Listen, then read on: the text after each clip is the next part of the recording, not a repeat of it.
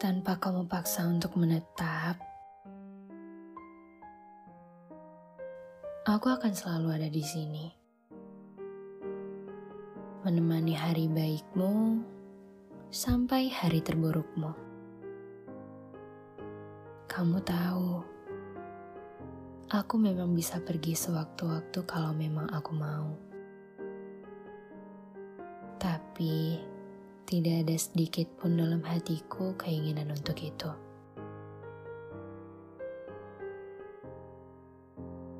Berdua denganmu mungkin adalah sesuatu yang bisa aku sebut sebagai anugerah. Sangat-sangat berterima kasih kepada Tuhan karena telah memilihku sebagai tempat peristirahatanmu.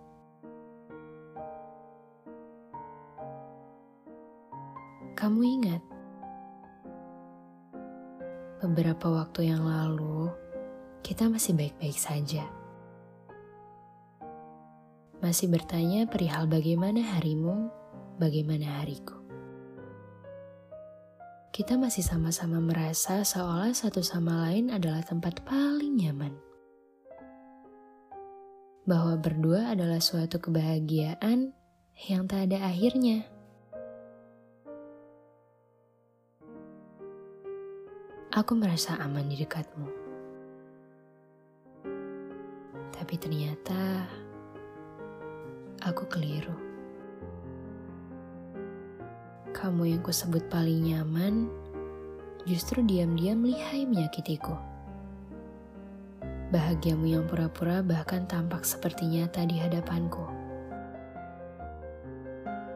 Ternyata dari awal memang bukan aku tujuan rumahmu. Memang bukan aku wanita yang ingin kau jadikan tempat pulang. Memang bukan aku yang ingin kau ajak untuk menempuh jalanmu. Bukan aku. Sekarang, aku disibukkan dengan bagaimana caranya agar aku bisa merelakanmu menghapus kasihmu yang ternyata hanya pura-pura di depanku.